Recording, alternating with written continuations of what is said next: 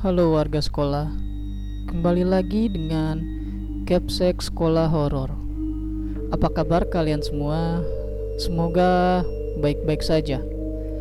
Di episode Sekolah Horor kali ini menceritakan kelanjutan cerita tentang spot-spot terangker di sekolah bekas perkantoran pada zaman penjajahan Jepang bagian kedua. Cerita ini bersumber dari akun Twitter @ayudia003. Selamat mendengarkan. Oke, kita lanjut ke cerita kedua. Spot kedua ini ada di kelas 12. Aku lupa tapi nama kelasnya apa.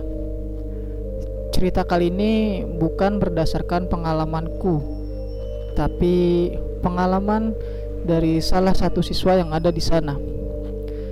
Cerita ini tuh udah lama banget saat bapak masih jadi pegawai biasa, belum jadi guru. Jadi, letak kelas 12 ini tuh paling ujung terpencil di antara kelas yang lain. Tapi masih nyambung satu bangunan sama bangunan utama Kelas ini dekat dengan lapangan tenis dan termasuk kelas yang paling besar. Di depan kelas terhampar kolam ikan dan di sebelah kanan dan kiri ada taman kecil. Sebenarnya nggak ada yang salah sama bangunan kelas ini. Yang jadi masalah itu adalah penghuni kelasnya. Kenapa?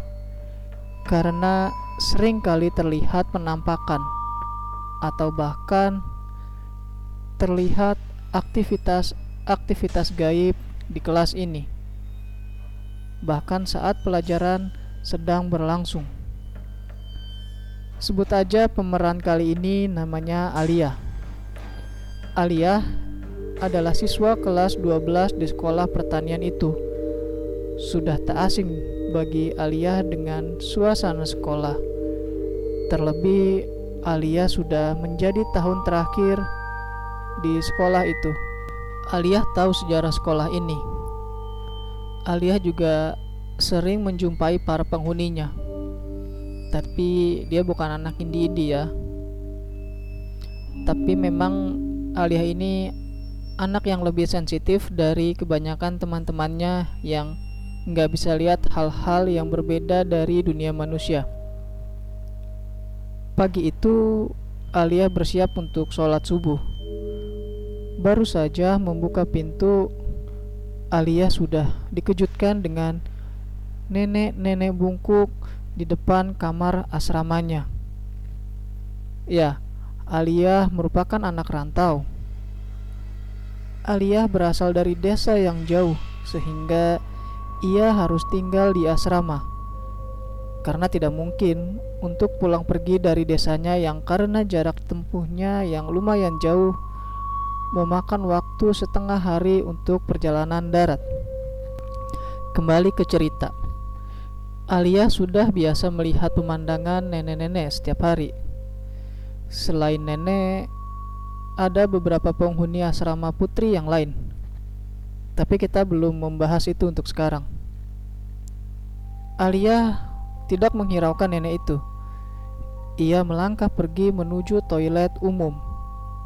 Ia mandi dan mengambil wudhu, lalu sholat, kemudian berangkat ke sekolah bersama dengan yang lainnya. Hari yang biasa bagi seorang Alia. Masuk seperti biasa, lalu diisi dengan pelajaran biasa sampai hal itu terjadi. Alia pulang ke asrama. Tidak ada yang spesial. Sampai Alia merebahkan tubuhnya di atas kasur. Alia tertidur. Bangun-bangun sudah azan maghrib. Alia segera bergegas mandi dan sholat tanpa tahu ada hal lain yang akan bikin Alia ketakutan setengah mati setelahnya. Rutinitas Alia pun seperti biasa, mandi, sholat, makan di asrama, belajar. Tapi saat dia membuka tas, Alia gak nemuin buku pelajarannya. Padahal dia harus menyelesaikan PR menulis itu sekarang juga. Kalaupun ditulis besok, pasti tidak akan terburu. Alia melirik jam dan jam sudah menunjukkan pukul 19 lewat 45 malam. Masih sempat diambil sebelum gerbang asrama ditutup, pikir Alia. Alia pun meminta teman sekamarnya, sebut saja Sari, untuk menemaninya kembali ke sekolah. Namun ditolak mentah-mentah. Sari bilang, "Sorry ya Lia, besok aja lah diambil. Udah malam. Kamu tahu kan di situ serem banget." Alia pun menjawab, "Tahu sih, tapi aku butuh banget bukunya sekarang." Sari pun terus memujuk Alia. Tapi Alia tetap ngotot ingin buku itu sekarang juga. Ya udah, kamu minta temenin aja sama Mia Al. Dia kan pemberani.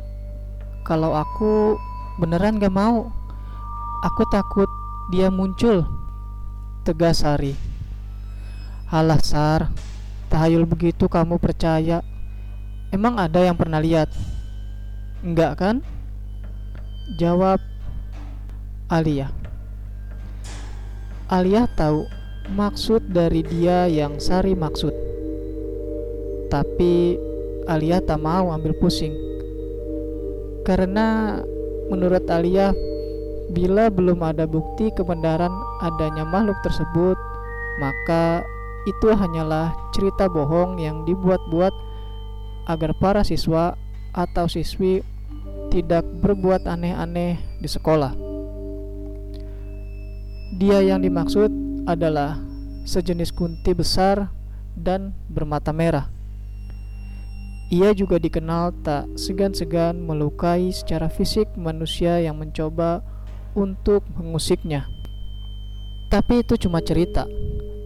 Kalau memang ada, tidak mungkin Aliyah melewatkan makhluk itu. Terlebih rumornya makhluk itu mendiami kelasnya. Alia pun mendatangi Mia beruntung. Mia lagi tidak sibuk dan langsung mengiyakan ajakannya. Alia dan Mia bergegas menuju gerbang belakang dekat lapangan tenis. Karena gerbang di sana tidak dikunci dan inilah kesalahan besar mereka.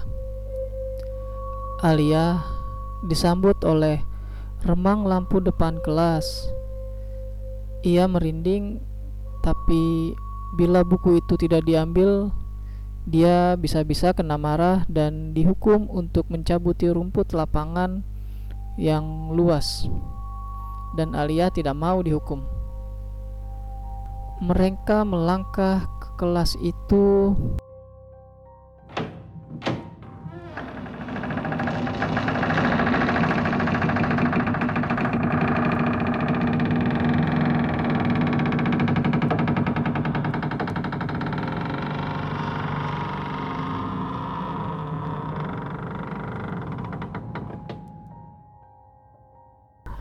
terdengar derit pintu usang kelas yang dibuka. Hal pertama yang mereka dapati adalah gelap. Aliyah bilang ke Mia, "Tunggu aku ya sebentar." Mia pun menjawab, "Iya, aku tungguin. Cepat ya, nanti takut ketahuan Pak Kosim." Aliyah mengangguk. Kosim adalah penjaga gedung sekolah ini. Usia Pak Kosim tak lagi muda, tapi dia paling disegani oleh siswa-siswi di sekolah ini. Dia jarang sekali bicara. Tatapannya dingin dan tak pernah tersenyum seolah seluruh dunia memusuhi Pak Kosim. Oke, lanjut. Saat Alia mendekati tempat duduknya, terdengar suara kursi digeser. Alia melirik Mia. Mia pun melakukan hal yang sama. Ekor mata Alia menuju kursi paling ujung dan terpojok di kelas. Matanya menangkap sesuatu. Seseorang atau sesuatu tengah meringkuk di atas kursi yang jelaslah itu bukan manusia. Karena ia mencium bau darah anyir dari makhluk itu. Alia pura-pura untuk tidak melihat. Ia segera mengambil buku di kolong mejanya. Saat menarik buku, betapa terkejutnya Alia. Bukan buku yang ia dapat, tapi seonggok benda berbau amis yang menyengat hidung. Ia segera melempar benda itu dan bergegas menuju pintu menemui Mia yang membelakangi. Alia menepuk bahu Mia, ia bilang, "Mia, ayo, besok pagi-pagi saja aku ambil."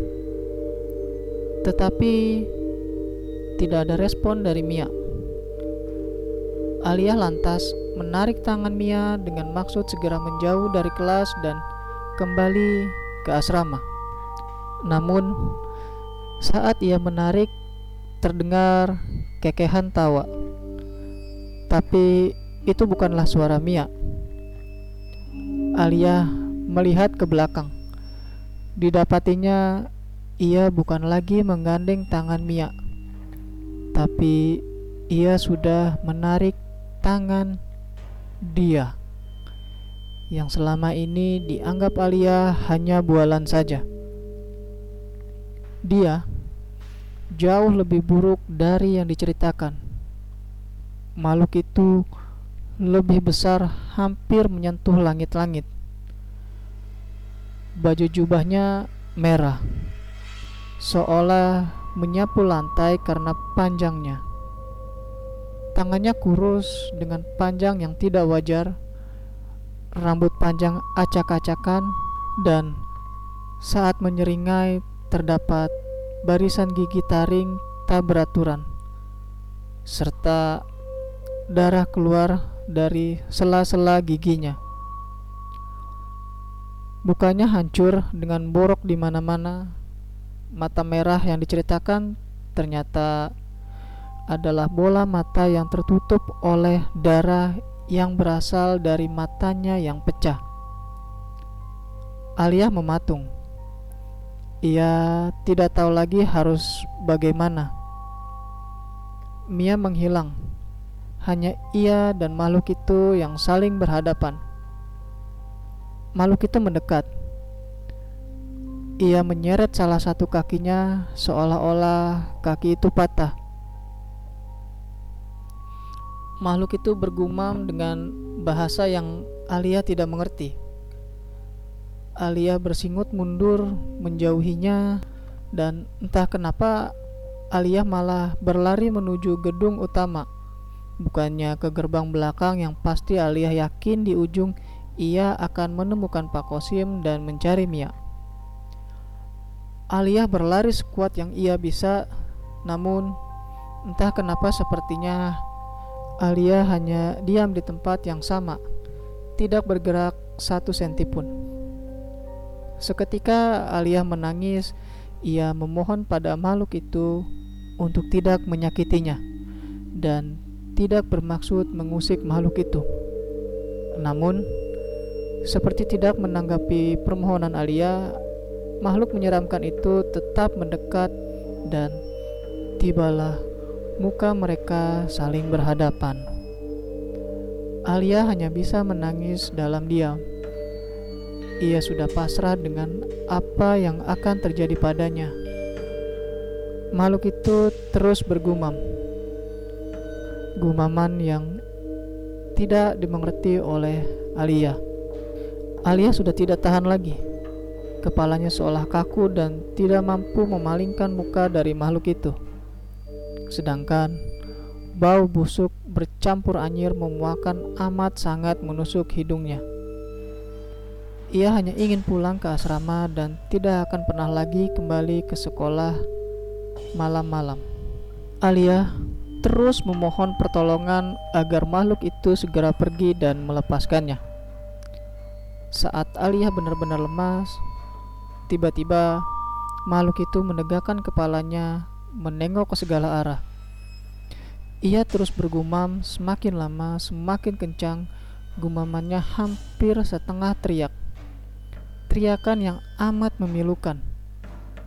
Dari kejauhan, nampak cahaya seperti lampu senter mengarah ke arah mereka. Dan seseorang berteriak di baliknya. Hei makhluk, pergi sana. Jangan mengganggu. Seketika makhluk itu beringsut mundur dan menyeret-nyeret kakinya dan tangan panjangnya kembali ke ruang kelas hingga kemudian hilang. Alia berdiri dengan sisa tenaganya, bersiap bila ada kejadian yang tidak diinginkan lagi. Tapi syukurlah itu tidak perlu. Ternyata Pak Kosimlah yang menolongnya barusan dan diikuti oleh Mia. Ia menghembuskan nafas panjang. Ia tak habis pikir dengan kejadian yang baru saja menimpanya. Mia pun berkata, Alia, Alhamdulillah kamu gak apa-apa. Dan Alia menjawab, Enggak, aku nggak apa-apa kok. Kamu dari mana sih? Aku itu nyariin kamu dari tadi. Aku tadi itu anu jawab Mia. Sudah, ayo ke pos saya saja. Nanti saya ceritakan. Dasar Badung, tegas Pak Kosim. Mereka pun menuju pos jaga Pak Kosim. Di sana, Pak Kosim pun bercerita bahwa ia merasa sudah tidak enak malam itu dan benar saja. Dari kejauhan, dia melihat Mia berteriak meminta tolong ke Pak Kosim. Menurut pengakuan Mia, malah Aliyah yang berubah jadi makhluk seram itu. Pak Kosim bilang bahwa Alia termasuk beruntung karena ia belum dilukai oleh makhluk itu. Sedikit cerita dari Pak Kosim, makhluk itu merupakan penjaga di sini. Bawahannya si Raja Beringin tapi dia itu pembangkang. Memang suka menyakiti manusia. Dia jarang terlihat karena sebenarnya asalnya bukan dari kelas itu, tapi dari perkebunan di belakang area perumahan pegawai. Kalau malam, dia memang suka nongkrong di kelas itu, berharap dapat mangsa. Selebihnya, apa maksud dan tujuan yang menyakiti, Pak Kosim sendiri pun kurang tahu karena terkendala bahasa. Pak Kosim pun akhirnya meminta mereka pulang karena sudah larut malam. Ia takut nanti malah makin banyak hal-hal terjadi yang tidak diinginkan dan berpesan untuk tidak lagi-lagi ke sekolah di malam hari. Cerita Alia yang diganggu oleh dia menyebar cepat, tapi ada hal yang Alia simpan. Pertama, Alia tahu Mia berbohong Pak Kosim sebenarnya sudah meninggal seminggu yang lalu sebelum kejadian yang menimpanya dan belum ada yang menggantikannya. Kedua, Alia tidak tahu kenapa Mia bisa bertemu Pak Kosim. Ketiga, Mia adalah teman hayalan Alia. Jadi, ada yang bisa menyimpulkan